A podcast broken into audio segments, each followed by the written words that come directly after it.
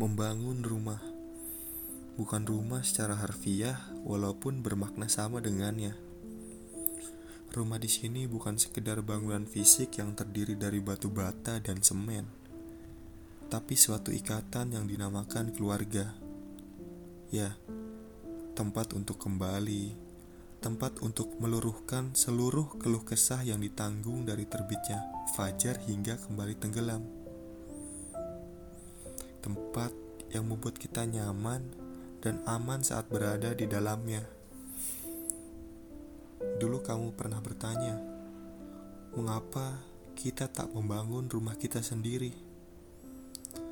Kini ku tahu jawabnya, walau terdengar seperti alibi. Tapi menyatukan dua pihak itu tidaklah mudah. Ini bukan sekedar perkara tentang aku dan kamu. Lebih dari itu, ini tentang dua keluarga besar yang masing-masing individunya memiliki pemikiran tersendiri. Dan bukan hanya membangun saja, lebih dari itu. Banyak tahapan-tahapan yang mungkin kamu lewatkan. Mulai dari merancang apa dan bagaimana kita membuatnya, memilih bahan-bahan terbaik untuk membangunnya, membangun hingga menjadi sesuatu yang kuat dan kokoh hingga merawatnya dari segala permasalahan yang dapat membuatnya rusak atau terluka. Siapa coba yang tak ingin melakukannya?